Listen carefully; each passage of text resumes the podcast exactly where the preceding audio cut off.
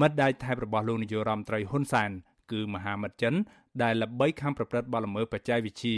ឬលួចយកទិន្នន័យតាមប្រព័ន្ធអ៊ីនធឺណិតជាពិសេសការលួចកម្មសិទ្ធិបញ្ញាព័ត៌មានសម្ងាត់ផ្នែកពាណិជ្ជកម្មបច្ចេកវិទ្យាទំនើបទំនើបពីសហរដ្ឋអាមេរិកនោះឥឡូវនេះពួកគេមិនបានលើកលែងឡើយសូម្បីតែជាមួយសម្ព័ន្ធមិត្តចាក់ទឹកមិនលេខរបស់ខ្លួនគឺកម្ពុជាក៏ដោយផ្អែកតាមដីកាចោតប្រកាន់របស់ក្រសួងយុទ្ធភ័ពអាមេរិក កាលពីថ្ងៃទី28ខែឧសភាប្រឆាំងនឹងជនជាតិចិន4នាក់ដែល3នាក់គឺជាមន្ត្រីចារកម្មរបស់រដ្ឋអំណាចកុម្មុយនីសចិននិងម្នាក់ទៀតគឺជាចៅព័ត៌មានវិទ្យាឬ hacker ជនជាតិចិនទាំង4រូបនោះក្រៅពីបានពាក់ព័ន្ធនឹងយុទ្ធនាការលួចវាយប្រហារនិងលួចយកទិន្នន័យជាច្រើនតាមប្រព័ន្ធអ៊ីនធឺណិតពីសហរដ្ឋអាមេរិកប្រទេសកាណាដាអង់គ្លេសអាល្លឺម៉ង់ឥណ្ឌូនេស៊ីនិងម៉ាឡេស៊ីជាដើមនោះ ពួកគេក៏បានពាក់ព័ន្ធទៅនឹងការលួចយកទិន្នន័យពីរដ្ឋាភិបាលកម្ពុជាផងដែរដីកាចោតប្រកាន់របស់ក្រសួងយុទ្ធភ័ពអាមេរិកឲ្យដឹងថាសមាជិកនៃក្រុមរបស់ពួកគេ ដែលបម្រើឲ្យគោលដៅរបស់ក្រសួងសន្តិសុខរដ្ឋប្រចាំខេត្តហៃណាន់របស់រដ្ឋាភិបាលកុម្មុយនីសចិនបានជ្រៀតចូលបណ្ដាញកុំព្យូទ័ររបស់ក្រសួងមួយនៃរដ្ឋាភិបាលកម្ពុជាហើយបានលួចយកទិន្នន័យពាក់ព័ន្ធទៅនឹងកិច្ចពិភាក្សារវាងរដ្ឋាភិបាលចិននិងកម្ពុជាជុំវិញការប្រើប្រាស់ទន្លេមេគង្គ ការជ្រៀតចូលនិងលួចយកទិន្នន័យពីសំណាក់ជនជាតិចិនទាំង4រូបនោះធ្វើឡើងនៅមុនពេលឬក៏នៅចំខែមករាឆ្នាំ2018ពលគឺចំពេលដែលកម្ពុជា ធ្វើជាសហប្រធាននៃកិច្ចប្រជុំកំពូល មេគង្គឡានឆាង លើកទី2នៅរាជធានីភ្នំពេញសារព័ត៌មាន Reuters រាយការណ៍កាលពីថ្ងៃទី22កក្កដាថាក្រសួងនៅកម្ពុជាដែលរងការវាយប្រហារនោះគឺក្រសួងការបរទេសរបស់លោកប្រាក់សុខុន ដោយការដដែលបញ្ជាក់ថាក្រុមចៅទាំងនោះបានជួលអ្នកបកប្រែភាសាខ្មែរឲ្យជួយបកប្រែទិន្នន័យដែលខ្លួនបានលួចពីរដ្ឋាភិបាលកម្ពុជាទាំងនោះក្រោយមកទៀតនៅថ្ងៃទី10ខែមករាឆ្នាំ2018ចំថ្ងៃដែលប្រទេសចិនបើកកិច្ចពិគ្រោះយោបល់ជាមួយប្រទេសជាច្រើននៅក្នុងតំបន់ទន្លេមេគង្គរួមទាំងកម្ពុជាផងនោះពាក់ព័ន្ធទៅនឹងបញ្ហានៅតំបន់ទន្លេមេគង្គក្រុមចៅព័ត៌មានវិទ្យាជនជាតិចិនទាំងនោះ បានលួចយកទិន្នន័យពីប្រព័ន្ធកុំព្យូទ័រដែលគ្រប់គ្រងដោយក្រសួងការបរទេសកម្ពុជា ពាក់ព័ន្ធទៅនឹងកិច្ចពិភាក្សាទាំងនោះវិសុវស៊ីស្រីមិនអាចតាក់ទងแนะនាំពាក្យក្រសួងការបរទេសលោកកុយគួងដើម្បីសូមអធិប្បាយជុំវិញរឿងនេះបាននៅឡើយទេកាលពីថ្ងៃទី22ខែកក្កដាដោយលោកមិនលើកទូរស័ព្ទរីឯអ្នកនាំពាក្យក្រសួងប្រៃសណីនិងទូរគមនាគមន៍លោកសូសធី បដិសេធផ្ដល់អត្ថាធិប្បាយដោយសារលោកនៅមិនទាន់ដឹងអំពីរឿងនេះនៅឡើយទេ តែលោកថាសហរដ្ឋអាមេរិកនិងប្រទេសចិន កំពុងមានភាពតានតឹងជាមួយគ្នាជុំវិញបញ្ហានេះតាក់ទងជាមួយនឹងនេះហ្នឹងយើងមិនមានមានមានការអត្ថាធិប្បាយអីទេដោយសារយើងទើបតែដឹងព័ត៌មានថាតំសួរមកអញ្ចឹងយើងមិនទាន់មានមិនមានថាអធិប្បាយដែរអញ្ចឹងណាបាទវិទ្យាទីនេះវាជារឿងទូទៅហើយបាទអញ្ចឹងណាបាទថារឿងតាក់ទងមួយនេះហ្នឹងក៏បើថាករណីហ្នឹងមាននៅ សហរដ្ឋអាមេរិកអីយើងក៏ព្រោះយើងក៏អត់ដឹងរឿងព្រោះវាមាន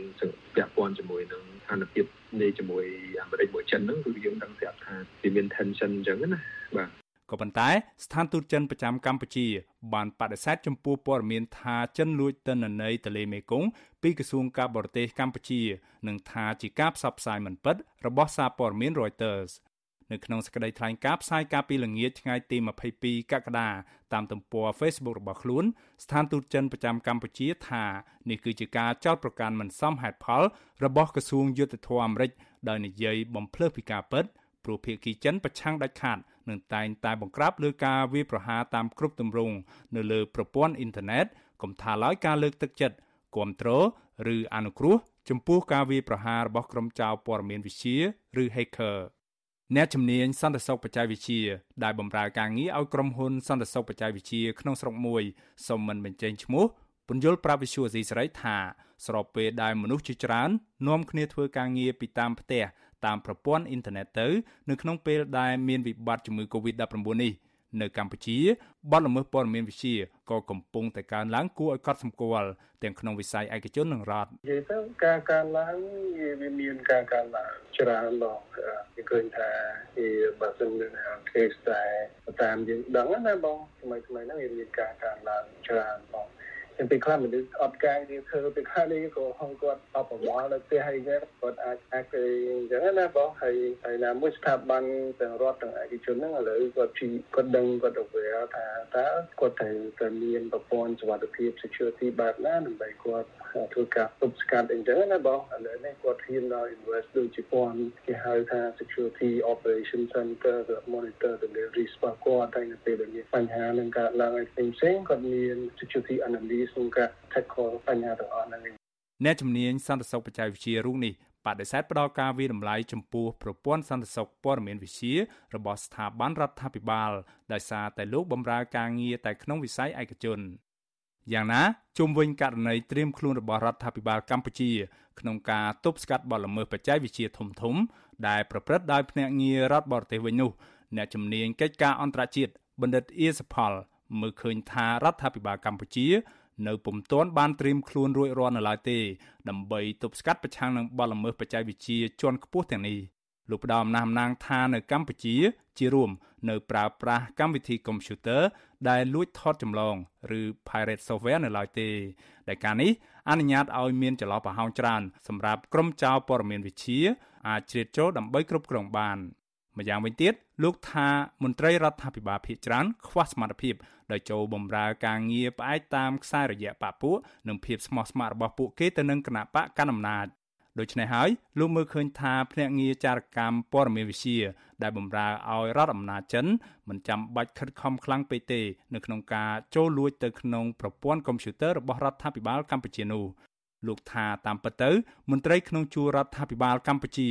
បានលួចផ្ដាល់ឲ្យទិន្នន័យសំខាន់សំខាន់ទៅចវាយនាយចិនរបស់ខ្លួនរួចជាស្រេចទៅហើយតែការលួចចូលយកទិន្នន័យបន្ថែមនេះអាចជាយន្តការនៅក្នុងការផ្ទៀងផ្ទាត់ថាតើទិន្នន័យផ្ដាល់ឲ្យដោយមន្ត្រីកម្ពុជាទាំងនោះត្រឹមត្រូវដែរឬយ៉ាងណាលោកប្រមានថាហានិភ័យនៃការលួចចូលយកទិន្នន័យនិងជ្រៀតចូលក្នុងបណ្ដាញកុំព្យូទ័ររបស់រដ្ឋាភិបាលនៅពេលនេះអាចនឹងអនុញ្ញាតឲ្យភាគីចិន ដឹងជាមុនអំពីជំហរចរចាជាក់លាក់របស់រដ្ឋាភិបាលកម្ពុជាពាក់ព័ន្ធនឹងបញ្ហាតំបន់ទន្លេមេគង្គនិងបញ្ហាចម្រូងចម្រាសផ្សេងផ្សេងទៀតខ្ញុំបាទមេរិត Visual C ស្រីរាយការណ៍ពីរដ្ឋធានី Washington